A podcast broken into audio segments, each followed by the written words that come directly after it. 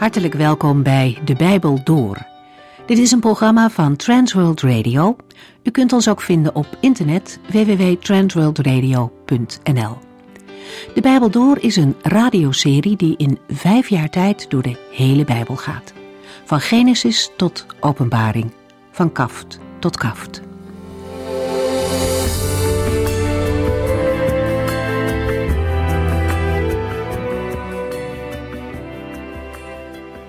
De onderwerpen waar we aan de hand van de eerste brief van Johannes bij stilstaan zijn heel verschillend.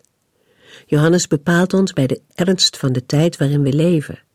Het zijn de laatste dagen waarin Satan op verschillende manieren probeert de kinderen van God te misleiden. Maar we mogen des te meer vasthouden aan wat we geleerd hebben van onder andere de apostelen. De Heilige Geest blijft in ons, zolang we hier op aarde zijn en hij zal ons onderwijzen over de waarheid van Christus. Ook over de dingen die in de toekomst zullen gebeuren. Hij zal ons daarover leren. In zijn evangelie heeft Johannes meer onderwijs gegeven over de trooster, de Heilige Geest, die na de hemelvaart van de Heer Jezus op aarde is gekomen. En daar vinden we dan ook de belofte dat de Heilige Geest in ons zal blijven. Als de Heer Jezus zijn discipelen voorbereidt op zijn heengaan, belooft hij hen dat de geest van de waarheid zal komen, die bij hen en in hen zal blijven. In zijn eerste brief herhaalt Johannes dit. En het woord blijven komen we daar vaker tegen. Verschillende keren spoort hij ons aan in hoofdstuk 2 om te blijven in de Vader en de Zoon. En als we ons afvragen hoe we dat kunnen doen, dan vinden we dat ook in zijn brief terug. Als in u blijft wat u van het begin af aan gehoord hebt, dan zult u ook in de Zoon en in de Vader blijven. Zo eenvoudig staat dat er. Wat u uit het woord van God geleerd heeft, houd dat vast. Dat woord moet in ons blijven. Mocht u tijd hebben, dan zou u in Johannes 15 het gedeelte over de wijnstok nog eens kunnen lezen. Daar wordt hetzelfde ook zo mooi uitgelegd. Wie in hem blijft, zal bij de terugkomst van de Heer Jezus niet beschaamd uitkomen. In het boek Openbaring, ook een boek van Johannes, worden twee kenmerken van de gemeente in Philadelphia genoemd. Zij hebben het woord van de Heer bewaard en zijn naam niet verlogend. Deze gemeente, die kleine kracht had, hield vast aan Christus en aan zijn woord. Daarin lag haar overwinning. Dus houd wat u hebt, is de aansporing die deze gemeente meekrijgt. We mogen het ook tegen elkaar zeggen. Houd vast aan het woord en blijf dicht bij de Heer totdat Hij terugkomt. Vandaag beginnen we in 1 Johannes hoofdstuk 3.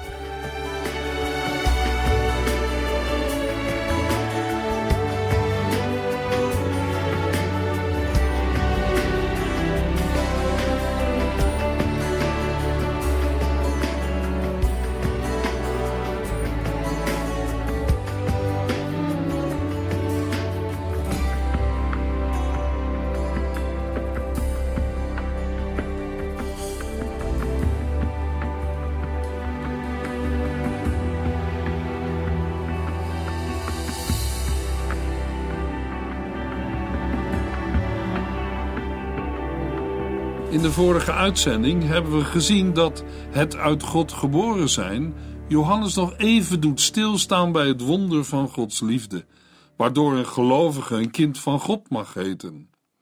Johannes schrijft in 1 Johannes 3 vers 1 Wat heeft de Vader geweldig veel liefde voor ons? Wij heten niet alleen zijn kinderen, wij zijn het ook. De mensen die God niet kennen begrijpen daar niets van.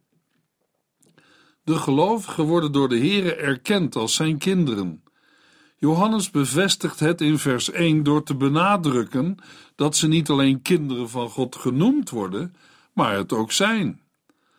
De mensen die God niet kennen, is de mensheid die Jezus Christus afwijst en van God niet willen weten. Ze wijzen ook de volgelingen van Christus af. Hun nieuwe manier van leven roept allerlei weerstanden op. Sterker nog, het leidt tot haat. Daarom schrijft de apostel aan de gelovigen in 1 Johannes 3, vers 13: Het hoeft u dus niet te verbazen, broeders en zusters, als de wereld u haat. Maar als gelovigen mogen wij ons gevoel van een gepaste eigenwaarde baseren op het feit dat God van ons houdt en ons zijn kinderen noemt. Wij zijn nu al zijn kinderen, niet alleen straks in de eeuwigheid. Te weten dat wij Gods kinderen zijn, moedigt ons aan te leven zoals de Heer Jezus leefde. Romeinen 8 is een ander Bijbelgedeelte over wat het betekent een lid van Gods familie te zijn. We lezen in Romeinen 8, vers 14 tot en met 18: Want allen die door de geest van God geleid worden, zijn kinderen van God. Wij hoeven dus geen slaven van de angst meer te zijn. Nee, God heeft ons een andere geest gegeven. Wij zijn door Hem aangenomen als kinderen, en doordat Zijn geest in ons woont, roepen wij: Abba, Vader. Want in ons diepste wezen overtuigt Gods geest ons ervan dat wij kinderen van God zijn. En als wij Gods kinderen zijn, krijgen wij ook wat ons als zijn kinderen toekomt. Wat God aan zijn zoon Jezus Christus geeft, zal hij ook ons geven. Als wij hetzelfde lijden doormaken als hij, zullen we ook dezelfde heerlijkheid krijgen als hij. Ik weet zeker dat wat voor lijden wij hier ook doormaken, het in het niet valt bij de schitterende heerlijkheid die God ons straks zal laten zien. In de brief aan de Galaten schrijft de apostel Paulus in Galaten 3, vers 26 tot en met 29: Door het geloof in Christus Jezus bent u allemaal kinderen van God geworden. Door de doop in Christus bent u één met Hem geworden. U bent als het ware omhuld door Hem. Er kan nu geen sprake meer zijn van Jood of niet-Jood, van slaaf of vrij man, van man of vrouw, want in Christus Jezus zijn we één geworden. Als u een deel van Christus bent, bent u ook kinderen van Abraham, en dan is wat God hem beloofde ook voor u. En in Gelaten 4, vers 6 en 7 lezen we: En omdat wij zijn kinderen zijn, heeft God de geest van zijn zoon in ons hart gegeven, zodat wij God echt kunnen aanspreken met Vader. U bent dus niet langer slaven, maar Gods eigen kinderen. Als zijn kinderen hebt u recht op alles wat hij bezit. Als we naar de opbouw van 1 Johannes 3 kijken, dan ontdekken we de volgende lijn. Vers 1 vertelt wie een gelovige in Christus is: leden van Gods gezin. Vers 2 vertelt wat gelovigen worden, een afspiegeling van God. De rest van hoofdstuk 3 vertelt wat gelovigen zullen ontvangen als zij dicht bij God leven, namelijk 1. Overwinning over de zonde, 2. Liefde voor de broeders en zusters en 3. Vertrouwen in God. 1 Johannes 3, vers 2. Ja, vrienden, wij zijn kinderen van God en kunnen ons er geen voorstelling van maken hoe het later zal zijn. Maar wij weten één ding als Christus komt, zullen wij zijn zoals Hij, omdat wij Hem dan zien zoals Hij werkelijk is. Het christenleven is een proces waarin een gelovige meer en meer op Christus gaat lijken. Dit proces zal pas afgerond worden als de gelovigen Hem zelf zullen zien. Paulus schrijft in 1 Corinthians 13, vers 12: Nu hebben wij nog geen heldere kijk op Christus maar later zullen wij oog in oog met hem staan. Ik ken hem nu nog niet volkomen, maar dan zal ik hem volledig kennen, zoals hij mij door en door kent. In Filippenzen 3, vers 20 en 21 lezen we: Wij zijn echter, al wonen wij hier op aarde, burgers van een stad in de hemel, en vandaar verwachten wij ook onze Verlosser, de Heer Jezus Christus door de onbeperkte kracht waarmee Hij alles aan zich onderwerpt, zal Hij ons sterfelijke lichaam veranderen in een hemels lichaam dat net zo sterk en schitterend is als het zijne. Voor een gelovige is het weten van het uiteindelijke doel een stimulans om elke dag weer te leven als de Heer Jezus Christus. 1 Johannes 3, vers 3 Ieder die dit gelooft, leidt een rein leven, omdat Christus rein is. De hoop op de toekomstige heerlijkheid is niet onzeker. Integendeel, ze is gebaseerd op de stellige beloften van de Heer. Dit gelovig uitzien en verwachten voorkomt dat de gelovigen bij de pakker gaan neerzitten of zich een hoogmoedige houding aanmeten. De hoop op de toekomst is bovendien een sterke aansporing voor iedere gelovige om een heilig en rein leven te leiden. Daarbij gaat het niet om een uiterlijke, maar om een innerlijke reiniging die plaatsvindt door het bloed van de Heer Jezus Christus. Maar dat neemt niet weg dat gelovigen ook de verantwoordelijkheid hebben zichzelf rein te bewaren, waarvoor de Heer hun de kracht geeft. Deze reiniging is een doorgaand proces. Steeds weer is reiniging voor gelovigen nodig, omdat zij in een wereld leven waar onreinheid hoogtij viert. De apostel Johannes schrijft: Ieder die dit gelooft, leidt een rein leven, omdat Christus rein is. In verband met de Nazireër gelofte in handelingen wordt reinigen ook wel vertaald met heiligen. In Matthäus 15, vers 18 tot en met 20 zegt de Heer Jezus: Maar wat een mens zegt, komt van binnenuit, uit zijn hart. Daardoor wordt een mens onrein. Want uit het innerlijk komen slechte gedachten, moord, overspel, ontucht, diefstal, leugen en roddel voort. Daardoor wordt de mens onrein en niet door te eten zonder de handen te hebben gewassen. Laten wij de aanmoediging van de apostel Paulus ter harte nemen, die we lezen in 2 Korintiërs 7, vers 1. Vrienden, omdat God ons zulke geweldige beloften heeft gedaan, moeten wij ons afkeren van alles wat ons lichamelijk en geestelijk bevuilt. Wij moeten onszelf reinigen door ontzag voor God te hebben en ons volkomen aan Hem te geven. En in Titus 2, vers 11 tot en met 15 lezen we: De genade van God is bekend geworden, waardoor voor alle mensen eeuwige redding mogelijk werd.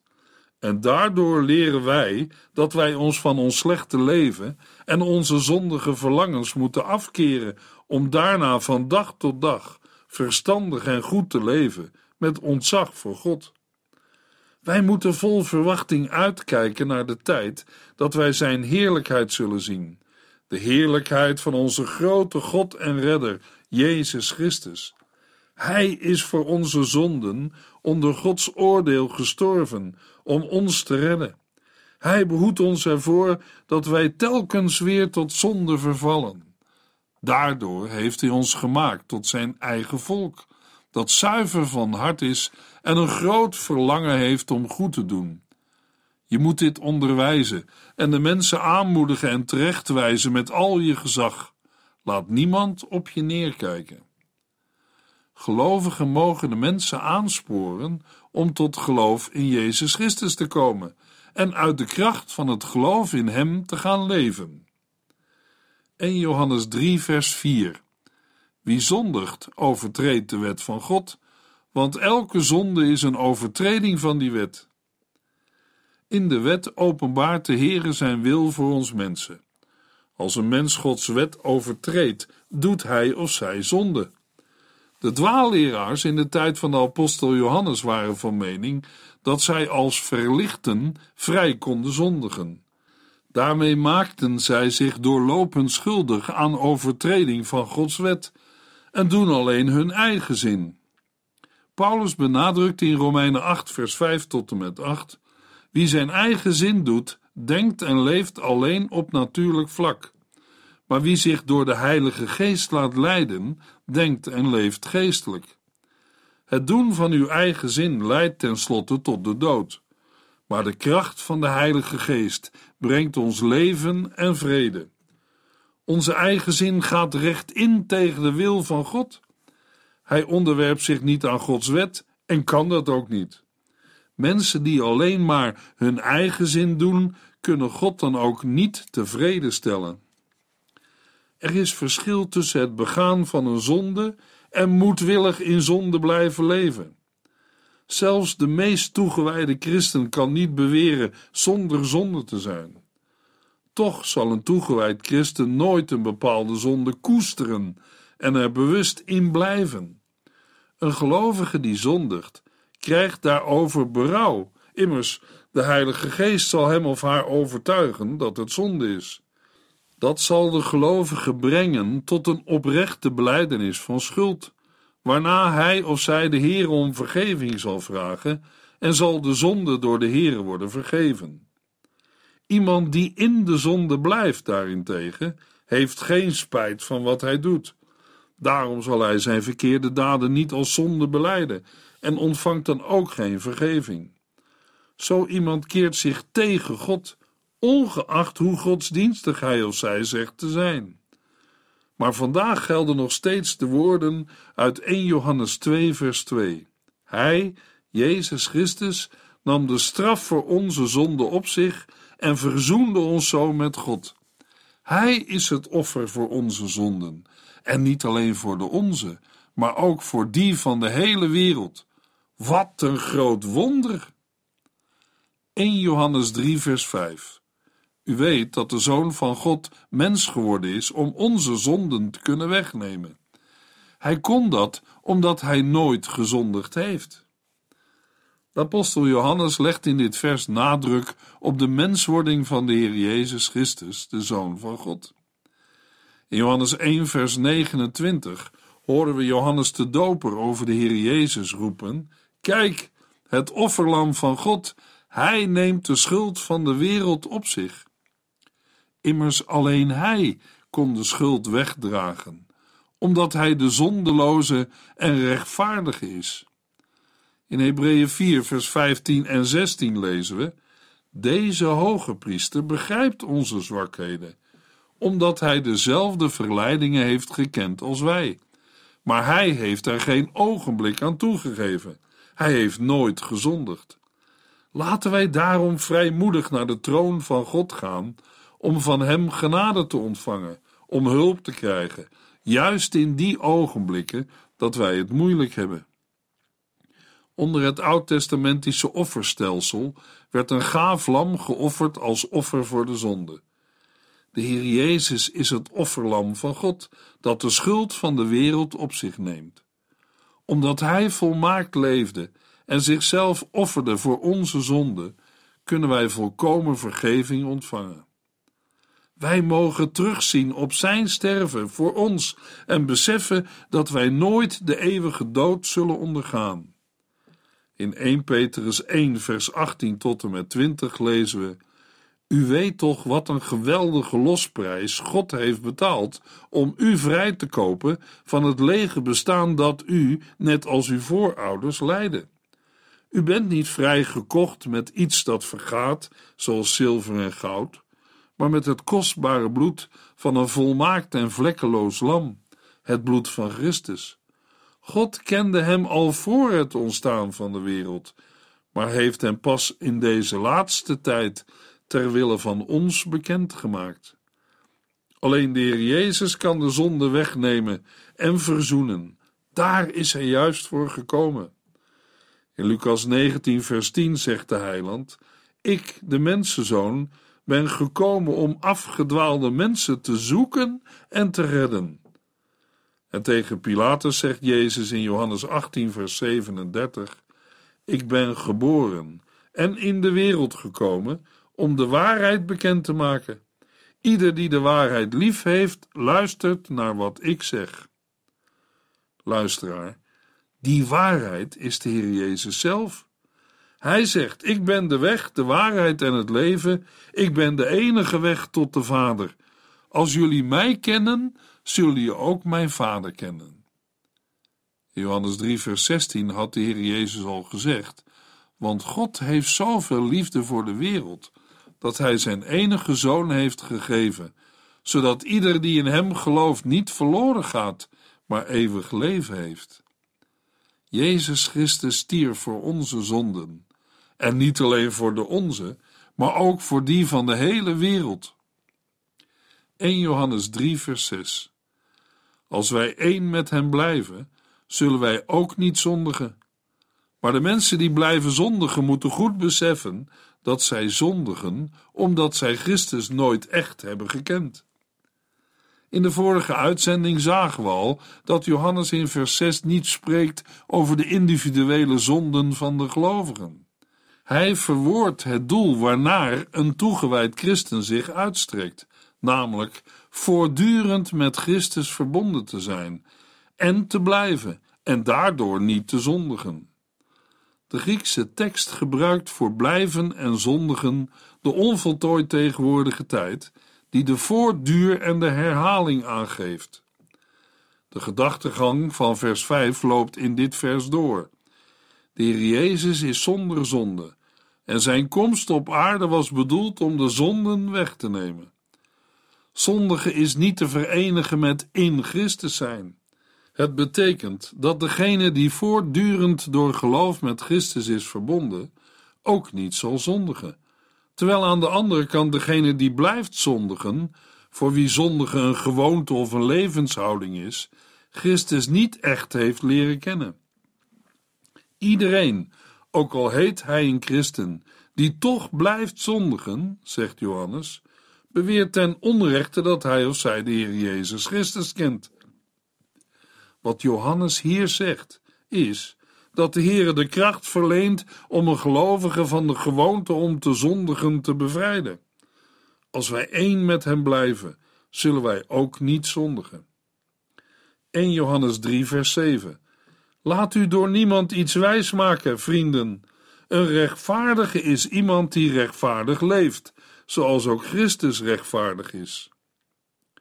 Het vorige vers houdt mede een sterk pleidooi in om door te zetten om niet te zondigen en daarbij vooral het einddoel voor ogen te houden.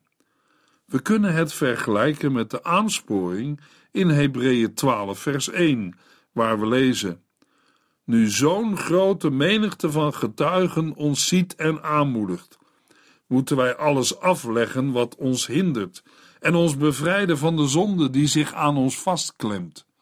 Wij moeten de wedstrijd voltooien die voor ons ligt, zonder op te geven. Daarbij moeten we blijven kijken naar Jezus, die ons de weg wijst. Hij is het doel van ons geloof. Hij kon zich aan het kruis laten slaan en de schande negeren, omdat hij wist welke blijdschap hem te wachten stond. En nu zit hij aan de rechterzijde van de troon van God. In vers 7 roept Johannes zijn lezers nadrukkelijk op zich niet te laten beïnvloeden door degene die de gemeente hebben verlaten. Ze zijn misleiders, instrumenten van Satan en brengen de gelovigen op een dwaalspoor. De dwaalleraars nemen het niet zo nauw met de zonde. De gelovigen moeten zich voortdurend op het ene doel richten, namelijk te leven als Jezus Christus, de rechtvaardige. Alleen degenen die de rechtvaardigheid doen zijn rechtvaardig. Anders gezegd, rechtvaardig zijn komt tot uitdrukking in het rechtvaardig handelen. De pastorale bewogenheid van de apostel Johannes voor de lezers ligt opgesloten in het opnieuw gebruik maken van de aanspraak kindertjes in de Griekse tekst van vers 7. 1 Johannes 3 vers 8 Maar wie blijft zondigen, bewijst daarmee dat hij bij de duivel hoort, die nadat hij voor het eerst gezondigd had, altijd is blijven zondigen. Maar de Zoon van God is gekomen om aan de activiteiten van de duivel een einde te maken. Tegenover het doen van rechtvaardigheid of zeggen wat waar is, staat het blijven zondigen. Het blijven zondigen wordt door de apostel Johannes verbonden met het werk van de duivel. Wie blijft zondigen wordt beïnvloed door de duivel en staat aan de kant van de boze. Hij behoort tot de familie van de duivel, omdat hij dezelfde kenmerken vertoont. In Johannes 8, vers 44 zegt de Heer Jezus dat Satan al zondigt sinds het begin. Deze woorden van de heiland wijzen op het moment dat de opstand van de beschermende Gerub Lucifer tegen de Heer is begonnen. Het begin van Satans duivelse loopbaan. Het tweede deel van vers 8 vormt een tegenstelling met het eerste deel en geeft tegelijk de dwaasheid van het blijven zondigen aan. Hoe is het mogelijk dat gelovigen blijven zondigen en daarmee doen als Satan, terwijl Christus door zijn komst op aarde de werken van de duisternis heeft verbroken?